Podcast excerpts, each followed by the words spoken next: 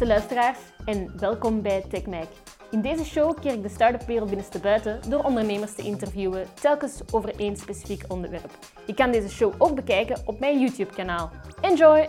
Vandaag heb ik niemand minder dan Bert Baak bij mij, eh, die onlangs nog een exit heeft gedaan met Trendminer. En ik wil alles weten over zijn ervaring en over zijn nieuwe plannen. Welkom Bert. Hallo, dag Marie. Goedemorgen. Goedemorgen. Vertel eens, waar ben je vandaag zoal mee bezig? Um, dus een half jaar geleden is Trendminer verkocht, um, overgenomen door het Duitse Software AG, een billion dollar company. Um, en als ondernemer dan moet je toegeven dat je niet kunt werken voor een corporate meestal. Ja.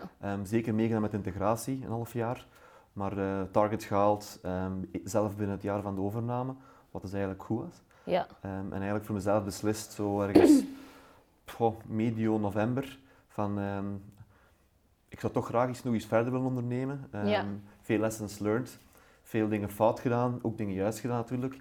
En gezegd van oké, ik ga terug in het ondernemerswereldje.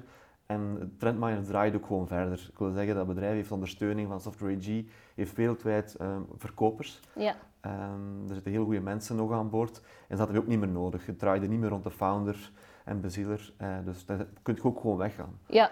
Um, en ik, een leuke stap, het onbekende. Maar op zich wel blij dat ik die stap genomen heb. Okay. Misschien eigenlijk had ik iets langer vakantie moeten nemen, want overname, direct integratie, direct in iets nieuws springen. Um, ja, het gevoel wel soms dat je wat meer pauze zou moeten nemen, maar als je gepassioneerd bent of gepassioneerd, dan is vakantie niet echt iets dat je typisch neemt. Daar gaan we allemaal verder op ingaan in deze aflevering. Um, nu, ik wil weten, um, en dat is ook iets wat heel veel mensen zich afvragen, Trendminer heeft redelijk snel, ik denk, hoeveel jaar na het, na het bestaan was het concreet? Wel, dus Trendminer was een doorstart. Dus D-Square NV was het eerste deel, was niet echt succesvol. Ja. Een pivot gedaan, fundamenteel, van management uh, product ben ik aan CEO geworden. Um, en in 2014 zijn we dan ja, Trendminer geworden. Ja. Nieuwe branding, uh, nieuwe cap table ja. clean-up, alles geclean-up. En eigenlijk inderdaad, dat vier jaar later verkocht. Ieder jaar maal twee, maal drie gegaan. Ja. Um, van, ja, van 10 tot 100 mensen ongeveer. Dus op zich heel succesvol, maar er is een reden achter die verkoop. Um, ja. Ik weet er is zo wat gereageerd van, Trendminer heeft te vroeg verkocht, ja. maar ik heb er echt een heel goede reden voor. Ik heb ook trouwens op de, de Big Squeeze daarover ingegaan. Wat zijn redenen van verkoop? En wat zijn um, redenen van verkoop? Wel, het is tweeledig. Dus enerzijds, um, als jij VC-money in in je bedrijf aanneemt, dan moet je gewoon uiteindelijk return geven. Je kunt het doen door IPO of je kunt het doen door een verkoop want heel veel start-ups tot op het niveau van winstgevendheid, dividenden komen daar niet, omdat ze blijven doorinvesteren in die groei. Ja. Dus dat wordt het verkoop. En op een bepaald moment um, wij waren met Trendminer product leader, dus we hadden het beste product, maar er was een start-up in de US die ons probeerde te kopiëren. En die hadden heel veel geld opgehaald. Um, en dan moet Kun je misschien eerst, eerst even kaderen ja. wat het product van Trendminer was voor ja. de kijkers of luisteraars die ja. het niet weten? Dus Trendminer was gebrand als de Google for the Industry. Ja. was eigenlijk een zoekmachine voor productiedata in, ja. in industriële omgevingen. Ja, ja, Zoals in Antwerpen, de Scheldelaan, ieder productiebedrijf gebruikt Trendminer als search engine voor een pro procesdata. Oké, okay, ja. Is echt een, uh, ja, een heel duidelijk concept, maar binnen de manufacturing-industrie. Ja, oké. Okay. En jullie hadden een concurrent in Amerika? Ja, wel, dus die had geld, heel veel geld opgehaald. Um, stond veel minder qua revenue dan ons, maar uiteindelijk, ja, money rules. En dan moet je gaan nadenken van hoe kun je van productleader ook market leader worden, wereldwijd. Ja. Niet zomaar enkel in België, in Europa, worldwide. Um, en wij waren aan het kijken geweest of er bedrijven waren om over te nemen om sneller, dus time squeezing effect, ja, wat Jurgen Engels altijd ja, zegt, ja. een verkoopsapparaat te genereren. Ja. En ik had uitgerekend um, dat het ons twee, drie jaar zou duren om wereldwijd 100 salesmensen actief te hebben, ja. productief, die opbrengen. En um, als je dan nadenkt, we waren, stonden aan de voet van een, kapi aan een kapitaalsronde, we gingen 15 miljoen ophalen, dan dacht ik ook Bij van... die software AG? Nee, dat was ervoor. Ah, ja, hè. okay, ja, ja. Wat, wat nadenken geweest van, oké, okay, dat risico van twee, drie jaar in de huidige marktomstandigheden verkoopsteam op te leiden wereldwijd, dat was heel lang en ik vond dat een risico. Ja. En er was er ook interesse van IoT-spelers, uh, platformspelers, die wel interesse hadden in Trendminer, omdat wij eigenlijk, wij zijn een applied use case voor IoT. Ja. Um, en er was heel veel interesse van die platformplayers. En ook gekeken van, op een bepaald moment van, Software AG had wel een paar honderd verkopers wereldwijd. En ehm, die kon een trendminer na, na de overname, dag twee, beginnen verkopen, in een kanaal stampen. En ik heb eigenlijk op dat moment met mijn co-founder de beslissing gemaakt van, als ons een droom is trendminer overal wereldwijd in iedere industrie binnen te krijgen, gaat dat sneller gaan door die verkoop. Ja. En dan heb- kun je denken van oké, shareholder value, dat is belangrijk. Ehm, maar ook onze droom is gerealiseerd, want trendminer gaat nu veel sneller wereldwijd uitgerold worden. Dus een impact stond voor u altijd boven dat geld. Ja, ja. en uiteindelijk heb je ook dan het feit van eh, second generation entrepreneurs. Je hebt veel fouten gemaakt, je hebt ook veel dingen juist gedaan, eh, anders verkoop je niet. Ehm, let's do it again. Dus die learnings meepakken naar een volgend verhaal en zien van gaat dat nu sneller gaan, gaat dat nu beter gaan, dat fascineerde me toch ook. En het moet ook weten, Trendminer was dan aan een doorstart. Vijf jaar D-Square, vijf jaar Trendminer. Ehm, tien jaar is natuurlijk ja, een, een decade. Dan is het ook wel eens tijd om een refreshment Ja. te krijgen in je leven. En vandaar ook gewoon, ja, t- tijd voor iets anders. Alles kwam een beetje samen. Ja, oké. En als je zegt van heel veel learnings meegepakt naar de volgende start-up waar we het zometeen over hebben, over welke learnings hebben we het dan zoal?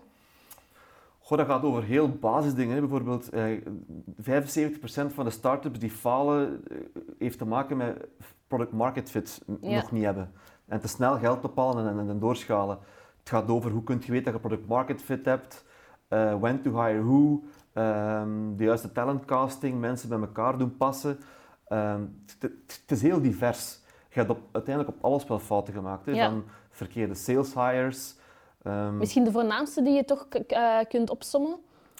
De voornaamste fa faling of de voornaamste Ja. leren? Ja, eh, eigenlijk beide, hè, want uit, uit faalmomenten komen automatisch per definitie learnings voort.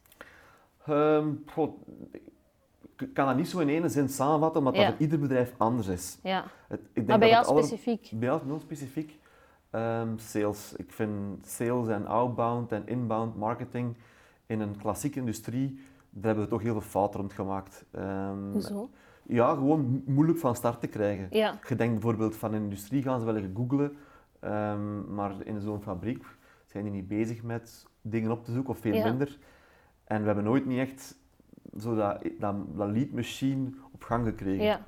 Hadden jullie lange salescycli? Wel, in de industrie typisch een paar jaar, eh, maar hebben we We Hacked the Sales Cycle. Dat is bijvoorbeeld wel iets dat we goed gedaan hebben. We hadden een manier gevonden om land en expand heel productief te krijgen. Dus heel goedkoop landen en toch heel snel uitbreiden. Hoe doe je dat? Ehm, ja, dat was ons fameuze drugsdealermodel. je, je maakt mensen goedkoop verslaafd aan je product en eens ze sticky verslaafd zijn, begint je er geld voor te vragen. Ja. En als je een goed model hebt dat scaled per user, en je hebt heel veel users die uitbreiden binnen zo'n fabriek, maar ook binnen de buiten de landsgrenzen, dan kun je heel snel je monetizen op een klant. ja. Ja. En is dat iets wat meer startups moeten doen volgens? Wordt dat belang daarvan Ik onderschat? vind land land and expand bij de startups die ik begeleid, probeer ik dat toch altijd in te brengen. Want Ja. zo eh, een jaar, twee jaar wachten op een deal, ja, veel startups hebben dat geld niet om zo lang te wachten. Dus ik vind zelf dat een heel belangrijk aspect, dat je snel je software op veel plaatsen hebt, omdat die feedback ook belangrijk is om te scalen. Ja, oké, wauw. Ehm, en wat heb je dan vooral geleerd op vlak van... eh, ja, dat is misschien een, een, een eh, vraag die je niet vaak krijgt, maar op persoonlijk vlak, omdat ja, je, bent, je, je zegt, je zei het voor dit interview, ik heb een gezin. Ja. Ehm, dat is toch de start-up rollercoaster combineren met een privéleven. Dat is het allermoeilijkste. Hè? Dus de work-life balance die, die niet bestaande is, dat is het Ja. aller, allermoeilijkste. Dus eh, het feit dat je in je hoofd eigenlijk continu bezig bent. Je zit op een familiefeestje en wordt er gezegd van je bent er niet echt bij, omdat je daar aan het nadenken bent over hoe ga ik dat customer success probleem oplossen. Ja. Of die, die fight tussen mijn, mijn, mijn management. Je zit eigenlijk continu bezig en je staat nooit stil. Ja, En dat vind ik toch persoonlijk de, ja, de, de flip side of the coin. ja, Ondernemen is verslaving. Ik zou niet anders kunnen doen.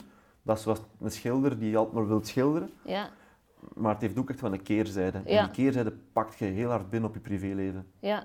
Ja, ik kan me dat voorstellen. Ehm, Nu, je bent zelf ook CEO geweest. Ehm, wat heb je specifiek geleerd over ehm, het leiden van Trendminer? Wat bij mij betreft was dat puur je eigen misbaar proberen maken. Dat moet het doel zijn. En daar begint men eigenlijk betere mensen dan jezelf aanpakken. Ehm, die dingen oplossen voor u. Ik Ja. zie heel veel ehm, bedrijven ook vasthangen dat is waar de CEO zijn hand wil blijven hebben in alles. En dat Micromanagement. niet. Ja. Ik moet echt zeggen, na die verkoop van Trendminer, dat team dat stond daar, dat werkte goed samen, dat was geolied en ik was ook gewoon misbaar. Maar dat heeft ook te maken met de persoonlijkheid van de ondernemer, want dan Ja. moet je heel makkelijk kunnen loslaten. En dat is toch niet makkelijk wanneer je start-up, je baby's, je bent er dan zo nauw bij betrokken geweest. In het begin was het jij alleen als founder eh, of eh, co-founder. En dan ineens moet je die controle loslaten. Is dat iets wat we niet... Allee, dat mogen we toch niet onderschatten? Maar gelimiteerd je groei. Hè. Je kunt dus niet zeggen van ik ken alles van sales, ik ben de rockstar sales guy, ik ken alles van customer success, ik ken Ja. alles van marketing, ik ken alles van operations, legal, finance. Dat gaat niet. Hè. Dus je moet eigenlijk in de, in de, divisies betere mensen hebben dan jezelf. En je job moet zijn die mensen laten samenwerken. En ik spendeer vooral heel veel tijd in mijn one-on-ones met mijn mensen net onder mij. Ja. Om te horen van, echt op weekbasis, what went wrong? Uh, what, what are your priorities for next week? Um, on what do you anticipate? How to scale, how to downscale? En als je dat doet bij alle divisies, je blijft op de hoogte van alles, maar je moet dat niet operationeel 100% trekken. Ja. En dat is dat ik altijd terug ga doen, is zorg dat er een, een team rond je staat, want dan zit je ook scalable als, als het aan ene keer de wind in de zeilen zit. Ja. Ja, in het begin nam je vaak waarschijnlijk zelf de mensen aan en na een tijd heb je een HR-manager uh, Nooit gehad. Nooit gedaan? Nee, nee, ik moet eigenlijk zeggen tot op het niveau van 100 mensen vind ik dat, vind ik dat echt dat dat een, een verantwoordelijkheid moet zijn van je, je senior team. Oké, dus, Dus- jij was daar zelf ook bij betrokken? Ja, ja, ik was betrokken bij de meeste hires nog. En bijvoorbeeld als iemand marketing iemand zocht, dan is die persoon van marketing zelf verantwoordelijk om die persoon te zoeken en te hiren. En ik leg dan eigenlijk heel veel HR-verantwoordelijkheid bij de departementen. Ja, En dat werkt. Ja? Uiteindelijk op 100 mensen, dan heeft iedereen een man of 10 eh, onder hem pakt. 10, 20 soms. De R&D was iets groter. Dat management gaat nog. Maar dat lijkt mij toch iets waar heel veel andere ondernemers het niet eens mee zouden zijn. Omdat ze zeggen van ja, om mensen aan te nemen, je moet eh, echt mensen hebben die specifieke expertise hebben in die HR, die weten hoe dat, hoe dat, wat de cultuur van een bedrijf, wat dat juist inhoudt. Iemand die een marketingdepartement leidt, weet Ja, dat toch niet altijd. Ik, ik weet het niet, ik weet het niet hoor. Bijvoorbeeld, als ik kijk naar R&D, ons bedrijf, Trendmine, was vooral echt heel veel R&D'ers. Heel veel programmeurs, ehm, developers. En we hadden ook gewoon de cultuur van bring your best people. Hè. Dus we gaven ook een incentive van, eh, als je mensen kent, ehm, ja, laat die maar bij ons komen werken en we screenen die. Dus je hebt ook al een bepaalde hiring cultuur, dat de mensen elkaar al kennen. En je moet dat overlaten aan je team. En we hebben nooit het gevoel gehad van, hier mist nu een HR-persoon. Onze back-office manager, die deed aan de contracten en die was wel betrokken met het fleet management. Dus eigenlijk was dat ook een deel van HR. Maar puur de hires aan zich deden we met, met ons eigen core team. Ehm, dus we, dat heeft nooit echt problemen Ja. opgeleverd. ja, en als dat werkt, waarom zou je dan volgen wat iedereen... Ja, natuurlijk op een bepaald moment, op een bepaalde size, moet je beginnen met eh komplannen en benefits te alignen. En op dat punt zijn we nooit ge- geraakt qua maturiteit. Ja. Ehm, maar uiteindelijk, als je bedrijf groeit, hè, en dat gaat heel snel, en er komen heel veel mensen bij, en er, en er zijn successen en sales, zijn mensen ook, laten de foutjes ook wel toe qua Ja. HR. Oké. Eh, omdat er gewoon is een heel positieve vibe. Zijn er veel ehm, wrong hires gebeurd? Zijn er mensen moeten weggaan waar je Vooral dacht van... commercieel. Ik moet eerlijk zeggen, we hebben altijd heel goede ontwikkelaars kunnen aantrekken. De, we hebben goede mensen aangetrokken op, op customer succes. Ehm, maar qua sales is heel moeilijk. Hè? De sales Ja. verkoopt zijn eigen heel goed. Die gaat voor u zeggen de eerste keer van, die, die verkoopt zichzelf goed, die verkoopt zijn, zijn verleden goed, ehm, zijn cv. eh. En daar hebben we toch wel, toch wel er de meeste failures gemaakt. Ja. En dat is een setback, hè? want iedere sales die je aanpakt, je weet dat pas een half jaar later meestal. Is dat omdat je een bepaalde attitude Nee? God, een u- sales is zichzelf beter verkoopt verkoopt? zichzelf Ja. fantastisch. Ja. Ja, oké. En daar ben je dan waakzamer over eh, voor geworden? Ja, maar daar is ook geen gouden formule voor. Eh, de- Van, er zijn gewoon sales, als je naar Saaster gaat, dat komt ook altijd terug van Ja. sales de, de meest turnover van, van heel bedrijf, omdat er gewoon heel veel personen zijn die zichzelf perfect verkopen, maar niet deliveren. Hadden jullie ook in... Want jullie zijn ook in de States actief geweest. Hadden Ja. jullie daar ook een team? Ja, dus eigenlijk hadden we onze, eh, onze rockstar verkoper, en mijn co-founder Niels, een Nederlander, ehm, die is naar daar getrokken eh, op een investorsvisum en die heeft daar vanaf nul het kantoor opgezet, mensen beginnen hiren en stap voor stap hebben we de mix gemaakt van local people, US, eh, in combinatie met nog wat expats van hier. Ah ja, oké. Customer succes opzetten, hebben we iemand van hier naar daar gestuurd ervoor op een expat statuut. Dus dat, dat werkte wel vrij goed. Een mooie mix tussen eh, eigen mensen en ehm, ja, nieuwe mensen. En als iemand anders, je co-founder, dan een team opstart in de VS, hoe zorg je dan toch voor dat die cultuur wel aligned met de bedrijfscultuur die in België leeft. Genoeg over en weer gaan. Hè. Dus dat begint met, uh, als CEO moet je dan ook heel veel in dat kantoor tijd spenderen. Ja. Uh, om die cultuur over te brengen, wat die mensen nog dingen doen na het werk, uh, leuke dingen nog doen. Um, en eigenlijk is het puur daar aanwezig zijn. Ja. Dus vandaar ook in de, in dat ik heb co-ouderschap, in de weken dat de kinderen niet had, was ik op een bepaald moment iedere week naar Houston aan het vliegen. Ja. Dus dat was gewoon week, week jetlag, week thuis, week, dat was een duur ook wel heavy. Dat lijkt mij toch wel heel vermoeiend om vol te houden. Dat, heeft toch ook een hele, een- dat moet toch privé een hele Ja, dat heeft ook privé, oh, absoluut, dat geef ik ook, ook toe. Hoe had je Ehm, op zo'n moment dan toch... Sport. Ik sport heel veel. Oké, Ehm, dat was het enige dat mij eigenlijk ehm, ja, recht hield, is een groot woord, maar dat u scherp houdt. ja. Als je veel sport, dan kun je ook minder slaap verdragen. eh. De sport is voor mij kri- kritisch in, in alles wat ik doe. Oké, mooi. Ehm, en vandaag ben je met iets nieuws bezig, hè? Ja. ja. Kan je mij vertellen wat dat juist ja, is? weinig mensen weten dat het op dit moment is, dus een beetje een, een halve primeur. Oké, Ehm, dus Jurgen Engels, die iedereen wel zal kennen van, de, van het publiek, ehm, die had in 2015 een start-up ge- gestart, The Glue. Ehm, ik zal het straks uitleggen wat het, wat het doet. En Jurgen was bij Trendminer ook investeerder en na de exit, blijven, praten natuurlijk, voelde hij ook van eh, die gast wil terug ondernemen, die wil iets meer doen richting eh, scale-ups terug en helpen time squeezen.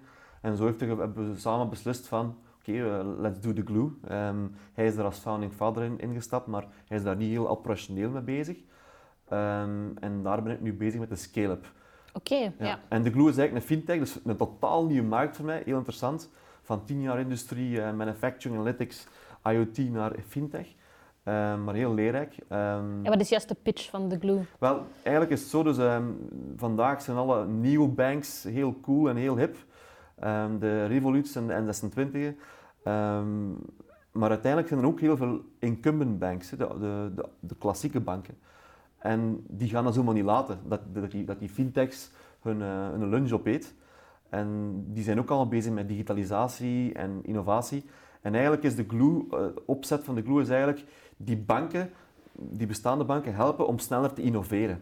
Ehm, je moet het zien als een soort een greenhouse idee, dus waar je eigenlijk een applicatie bouwt naast het bestaande legacy ehm, en heel snel iets kunt ontwikkelen voor een bank, veel sneller dan ze zelf kunnen doen. Ja, En als het dan matuur is, komt dat terug naar de infrastructuur. Dus eigenlijk is het een beetje een, een technisch platform dat de oude legacy systemen loskoppelt van de moderne frontend. Want vandaag is het allemaal mobile first en de Glue helpt daar dat snel te ontwikkelen. oké. Eh, voor jullie was het destijds het idee van Clear to Pay verkocht, ehm, let's do this again. Eh, Ja. Dat is een beetje een, was zijn, een, eh, zijn een achtergrond om dat te starten.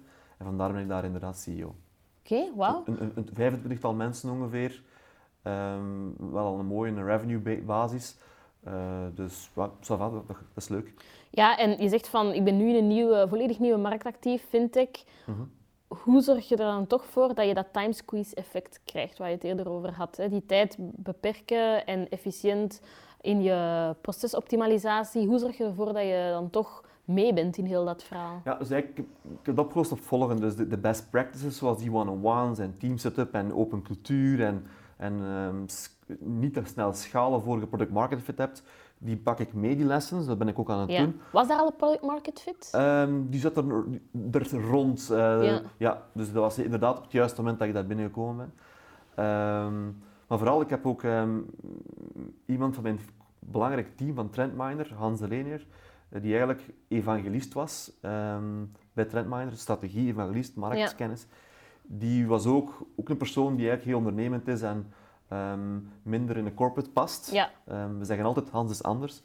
Ehm, Hans die, anders. Is, die is nu, ja inderdaad, die is een beetje zoals men, we noemen het vandaag, Chief of Strategy, Chief of Staff, noemt maar mijn rechterhand. En die is alleen maar bezig met strategie, marktstudie. ja. Dus eigenlijk is zij fulltime bezig met, on- met onderzoek van de fintech.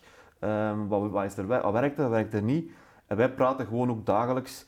En hij accelereert mijn, mijn learnings, zo, omdat ik niet fulltime kan studeren op een nieuwe Ja. markt. En dat werkt ook echt wel. Jullie En- zijn een tandem. ja, we zijn een tandem. En in de glue zitten ook al heel knappe bollen die de fintech al jaren doen. En mensen die van Capco kwamen, van de, de, de banken. Dus gewoon met heel veel mensen praten om die marktkennis te accelereren. Ja, oké. Maar het is een nieuwe markt, dat, dat is wel waar. Je hebt niet alleen die Hans meegenomen, hè? je hebt nog mensen meegenomen van Trendminer. Meenemen is een groot woord. Hè? nee, nee, nee, Hans is de enige uh, ah, okay, op dit moment. Maar er zijn wel mensen die bij Trendminer ooit gewerkt hebben, uh, die meegegaan zijn, maar die niet meer actief waren bij de verkoop. Ah, ja, ik heb wel wat mensen die er ooit met te maken hebben gehad, die meegegaan zijn. Is dat eigenlijk belangrijk om in, als je als ondernemer naar een volgende of een nieuw bedrijf start of, of, of uh, doorstart of wat het ook mag zijn, dat je echt mensen aan boord had die je eigenlijk al kent van een vorige professionele ervaring? Eigenlijk mag het niet, hè, want als je een bedrijf over, over, overgeeft, uh, mensen stelen, dat is niet, dat is niet politiek correct. Dat is stelen. Ja, maar dat is ook zo, dat is niet politiek correct, zou dat nooit niet doen. Um, dat is fout. Maar wat je wel hebt, ziet, mensen waar je mee samengewerkt hebt, um, die je vertrouwt, die al weet wat die skillset is, dat is ook gemakkelijk om op terug te vallen. Ja. En als die mensen dan toch zeggen van ik ga niet blijven bij het bedrijf, ja, dat ga ik ook wel binnen, binnennemen. Ja. Maar actief gaan hunten, dat, is, dat, dat zou niet politiek correct zijn. Maar heel dat aanwervingsgebeuren, zeker als je in een nieuw bedrijf actief bent, dat moet toch wel een berekend risico zijn. Want ik, ik had bijvoorbeeld enkele maanden geleden samen met Jorik Rombout van Ja. Rombit en hij zei van, je mocht op heel veel vlakken itereren, behalve op het menselijke. Daar kun je dat je eigen niet permitteren. Um, is dat, die wetenschap, leeft dat ook bij jou? Of denk je zo van, wow, laten we dat relativeren? Je maakt verkeerde hires. Ja. Ik denk altijd ook daar, als je met je senior team een paar opinies vraagt van menselijke en de skills, die kunt je assessen meestal, dan is dat een berekend risico. Ja. Voor mij is dat nooit een one-man one show om te beslissen van die gaan we aannemen. Ja.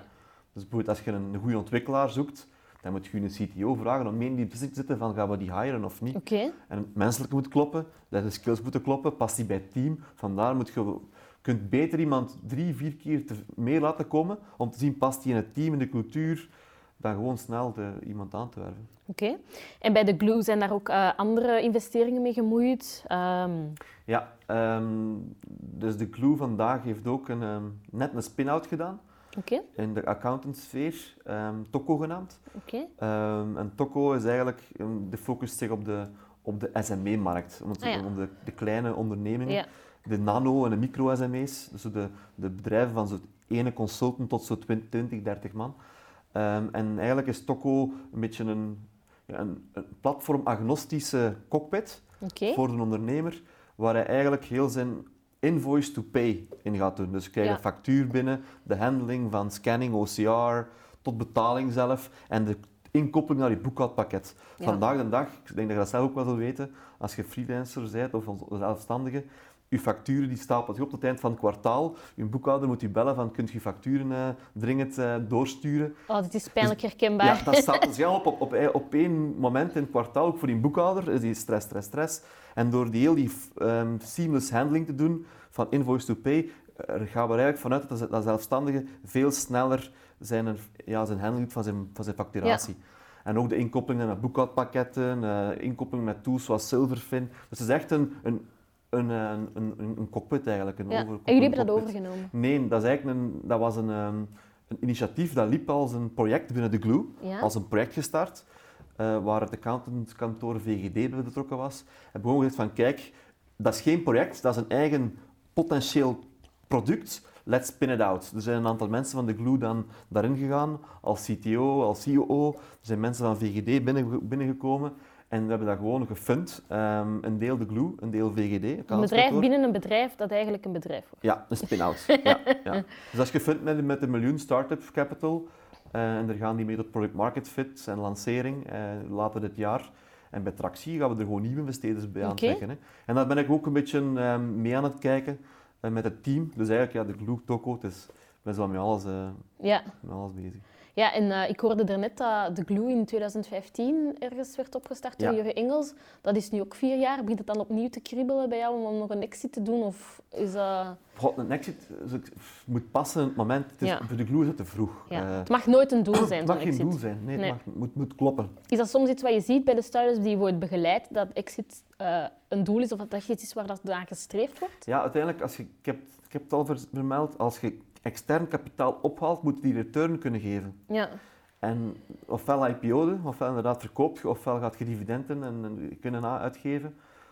Maar je kunt, het moment dat je het geld binnenpakt, moet je weten van hoe ga ik daar shareholder return gaan geven. Ja. Dus dat komt gewoon impliciet bij, venture capital. Ja. Als je dat niet wilt, en gewoon een lifestyle business bouwen, fijn. Maar dan zou ik iedereen aanraden van, laat het organisch groeien. Laat het customer funded zijn, maar pak geen exter extern kapitaal binnen. Ja. Ja. Dat is gewoon impliciet de, het gevolg van venture capital. Ja. En de glue die uh, spitst zich toe op uh, de bankaire en de financiële sector. Um, we weten dat, dit, eh, dat zo die, die instellingen, dat, in Europa, in de VS, dat dat allemaal heel anders werkt. Mhm. Zijn jullie ook al meteen internationaal actief? Um, wel, dat hebben we een beetje terug, terug um, geplooid op dat commerciële. We waren daar actief ook in Singapore onder andere. En maar als je daar niet echt actief mensen hebt en kunt dat geen aandacht genoeg geven, en ook de afstand en tijdsverschil. We proberen eerst het team hier heel scalable te maken en dan vanuit hier uh, rondom Nederland, Duitsland te gaan groeien. En als dat goed werkt, commercieel, dan gaan we zeker terug, zo onder andere naar Amerika, Singapore, ja. de UK, de fintech uh, locaties eigenlijk. Nochtans, ik hoor heel veel start-ups die dat wel doen, hè, die vanuit, hun, vanuit België, uh, bijvoorbeeld Guard Square met Heidi Rakels en ja. haar man Erik, die dat, die dat wel probeert te managen. Uh, haar man die dan graag laat opblijft. Ja, um, ja maar dat, dat gaat zeker gebeuren, maar we rekenen met een man of 25, um, een nieuw team. Um, ja. Je wil eerst dat dat geolied zit, dat, dat ja. elk, elk facet van uh, goed werkt. Dan is dat nog ook... niet, wat 25 mannen zou je toch denken dat wel een geoliede machine is? Ja, maar er zijn nieuwe mensen bijgekomen en dan moeten elkaar vinden in een nieuwe job, in een nieuwe rol. Dus dat is gewoon even... Je moet echt berekend die groei aanpakken, eigenlijk. Ja, inderdaad. Uh, bijvoorbeeld um, Peter, Peter Welles, van die, die Chestnut ook doet, um, die is nu ook bij de Glue actief. Ah, oké, okay, ja, ja. Peter die is eigenlijk onze verantwoordelijke van sales. Ja, dat, is ook een, dat is ook voor hem een nieuwe uitdaging. Ja. Um, de CTO van Chestnode die is ook meegekomen binnen het R&D-team. Dus, ik moet Chestnode nog eens over de vloer halen, want vorige keer, uh, vorige keer uh, hadden we het daar totaal niet over. Daar ben ik wel benieuwd hoe dat hij dat managt met uh, zo'n twee bedrijven. Voilà, mocht hij, mocht hem dat zeker vragen. Dus dat wil zeggen, nieuwe mensen... Um, we gaan dat eerst goed laten werken samen en dan scalen van, van Oké, okay, ja. interessant. Ja, je hebt nu, nu, je eigen learnings die je hebt meegenomen naar de Glue. Um, maar welke learnings probeer je door te geven aan de startups die je begeleidt? Want welke problemen zie je zo dan terugkomen? Die product market fit all over the place. Echt nieuw, opnieuw, opnieuw. Ja, dus eigenlijk is het met een, een, als je geld ophaalt, je hebt een deadclock, want ik heb maar x maanden tijd met die cashburn om aan te tonen van ik heb product market fit. En je moet alles alleen maar daarom doen. Hè. Dus aan kunnen tonen van dat er tractie is. En ik zie bepaalde start-ups soms te snel, yeah, we a paying customer en dan alle aandacht. Maar, en dan te snel schalen, maar nog niet goede product market fit hebben. En product market fit gaat van uh, begrijp welke waarde je biedt aan die klant. Je kunt yeah. ook je pricing erop afstellen. Um, dat gaat over, kan ik dat hier één keer verkopen, maar is die pitch voor de volgende klant hetzelfde? Is die pitch alle keren anders of dat sales track anders? Dat is het niet predictable. Dat wil zeggen pre-product market fit. Dus ik ben daar heel gevoelig aan om de juiste stappen te nemen. En je moet in principe zo'n playbook kunnen maken van how to do sales. als je dat kunt doen, kun je ook mensen beginnen aanwerven. Ja. Hoe kun je nu van een VP Sales verwachten dat hij een, een scalable sales team maakt als ieder sales track anders is? Dat gaat niet. Ja. Dus je moet predictable, alles moet predictable worden. Ja, en allee, dat klinkt wel heel makkelijk gezegd, nee, dat is maar niet moeilijk. makkelijk, dat is heel moeilijk. Ja, heel moeilijk. Ja. En waar, hoe, hoe krijg je het dan juist? Wat is de eerste stap om die, om die Ieder bedrijf anders. Hè. Dus, um, goh, dat gaat heel, goed, heel veel met klanten praten. Uh, de grootste gemene deler zien. Want als iedere klant zijn probleem anders is, gaat het ook anders moeten oplossen. Um, en de, de, dingen die heel generiek zijn, repetitief, die zijn ook typisch heel scalable. Ja, ja. ja je zei er net 75% van de start-ups... Uh... Het valt op, op uh, ja, pre-product market fit scalen. Ja, um, en ja, er gaan sowieso heel veel start-ups uh, mm -hmm. op de schop. Helaas. Um, wat is volgens jou um, naast die product market fit nog een andere belangrijke oorzaak dat, dat het mislukt? Um, Ambras en kots, zoals ze zeggen in Antwerpen. Ja. ja dat gebeurt toch heel vaak. Dat maar jij bent van het Waasland. Ja, inderdaad. Ja. ik heb in Antwerpen gewoond. Ja. Dus um, co-founders die niet, over, die niet over, overeenkomen, is een heel belangrijke. Um, gebeurt heel vaak. Is dat iets dat je kan voorkomen? Want ja, als het bot, nee, botst, dan ja, botst nee, soms botst geen visie en dan moet je gewoon je conclusies maken en van elkaar afscheid nemen. Okay. Kan, hè. Dat is in, in relaties hetzelfde. Als het op een bepaald moment niet meer klikt, dan moet je conclusies maken. Hè. Ja. Ja, je bent zelf een second generation entrepreneur. Um, Schijnt, ja. ja. um, investeer je ook in andere bedrijven? Ja, um, ja. We proberen ook gewoon, als je seed investment doet, dan moet je er genoeg kunnen doen. en early. Dus bijvoorbeeld al je, al je geld in één bedrijf steken, dat, dat zou dom zijn. hè. Ja. Want als je weet, op seed gaat er 1 op 10 is echt een bom. Dan moet je al 10 investments kunnen maken. Hè, dus en ook veel bedrijven vragen, wil je niet meedoen in een ronde? Maar als je al in een A of een B-ronde zit, ja, dan wordt het, is de waardering al ja, vrij ja, hoog. Ja, ja, Dan moet je heel hard uitkijken en dan ga ik vooral in mijn eigen dingen investeren. ja. Omdat je ook mee aan het stuur zit. Maar ik doe zeker, nee, seed capital ben ik zeker mee bezig. En wat zijn voor jou belangrijke... En boards begeleiden Ah, ja, een aantal. ja. En wat zijn voor jou eh, belangrijke criteria om te investeren buiten product market fit? Ja, het- product moet me aanspreken, moet erin geloven en echt team. Hè. Eh, eh, Also, heel veel bedrijven geven gewoon heel snel op. Ehm, als een, als een, een, beginnen ze een baby, de allermooiste baby, en dan komt de realiteit en die baby verkoopt niet snel. Je hebt geen team nodig dat het doorzet blijft. En, en dat ziet je gewoon in het karakter van bepaalde mensen. Je hebt mensen die opgeven en dan gaan zitten, blijven, met de pakken blijven zitten. En je hebt mensen die gewoon blijven proberen om die een baby toch te verkopen. Ja. En dat, dat die baby wat anders aankleden, andere vorm geven, om die te kunnen verkopen. En dat zijn de mensen die kunnen snel spotten hoor. Ja, ja. Ik vind dat toch dat je dat op een duur weet van die gaat extra mijl gaan en die gaat waarschijnlijk snel opgeven. Ik hoor dat je ver- verschillende eh start-ups en je bent dan in boards en je geeft advies en dan nog de glue. Mhm. Eh, hoe bewaar jij je focus? Ehm, ja, die, die, die boards in principe is dat vier keer per jaar. Hè. Ja. En ik probeer ook gewoon ehm, in de auto, ehm, onderweg naar, naar het werk dan, voor die CEO's available te zijn, voor eens een call van eh, Ja. wat ze er bezig, wat ze er vast. Dus dat is eigenlijk gewoon dode tijd dat je opvult met, met startups wat te helpen. Ja. En ja, die boards ook dikwijls s'avonds, dat is je vrije tijd. Ehm, maar dat is niet van focus, want dat houdt je ook scherp. En dikwijls is een ander bedrijf zien. En Je geeft wat patronen van dingen die terugkomen van vaak veel voorkomende problemen of fouten. En dat verrijkt je ook. Mhm, ik, ja. weet, zie veel mensen dat doen. Die, dat die boards je eigenlijk je, je, je kijk verruimen eigenlijk. ja. Eigenlijk je leermoment. Ja, leermoment, een reflectiemoment. Ja. En ook om te zien van, kan ik iets doorgeven? Hè? Uiteindelijk Ja. gaat het daarover. Second generation entrepreneurs. Het gaat niet over jezelf verrijken, maar het gaat over teruggeven aan de community en ook andere mensen proberen doorgeven en, en ja, nieuwe ondernemers creëren. Wat is vandaag nog eh, volgens jou je grootste werkpunt? Dat kan op ondernemersvlak of op persoonlijk vlak. Ja, Eh, work-life balance. Ik zeg ze. Dus, dus ja, ja, ja. je bent heel, als je met alles bezig bent, dan moet je nooit meer thuis. En wat, zijn, wat is je zwakte als CEO? Op welk vlak kan jij nog groeien, vind je? Ehm, bij Trendmine had ik heel vaak het gevoel, als er problemen waren, dat het me naar de keel pakte. En dat ik het persoonlijk, ik faling persoonlijk pakte. Ja. Ehm, Heeft het je ook op persoonlijk vlak dingen gekost, zo die faalmomenten? Ehm, goh, fa- kosten, eh, op welke manier? Bijvoorbeeld, ehm, ik zeg het, dat je, dat je ziek een keer bent geworden, Ah, ja, ja, of ja. een burn-out, of Ja, dat je ja, gescheiden... Ja, of... ja, dat, is natuurlijk het de kost van de on- on- Ja. het ondernemen. ehm, dat je inderdaad dat je nooit aanwezig bent mentaal, Ja. dat dat wat iets kost Ja. naar vrienden en, en familie.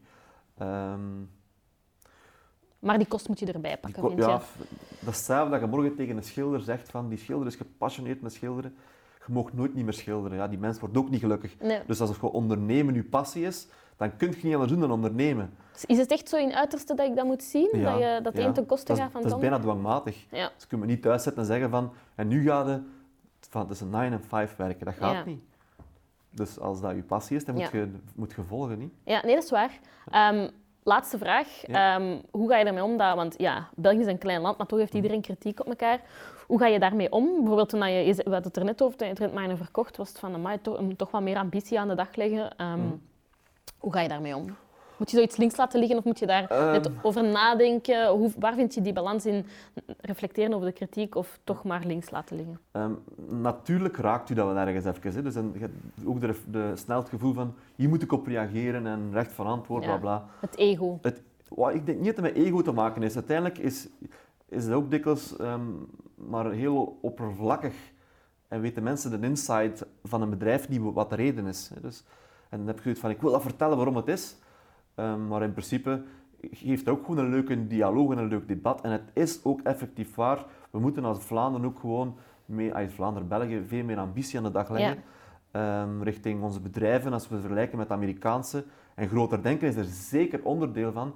Maar net daardoor, die second generation entrepreneur, entrepreneurs, als die samen nu komen hè, en die gaan samen iets gaan doen, dan gaan wij nog meer unicorns in België krijgen. En ik ben ook van, ehm, van die stelling. Het is niet omdat je op moment A, mijn bedrijf A stopt, dat het niet kan leiden tot iets veel groter en dat je die lessons learned meeneemt. Zeker niet als je het doordoet. Dus het is, ik ben eigenlijk, ik zie dat als iets positiefs. Oké, oké, met die mooie boodschap mag ik alweer een nieuwe TechMac aflevering afronden. Indien je nog vragen hebt voor Bert, uh, drop ze gerust in de comments. En als je het een leuke video vindt, uh, geef dan even een like en subscribe je om meer afleveringen in de toekomst te zien. Bedankt Bert om hier vandaag aanwezig te zijn. Dankjewel.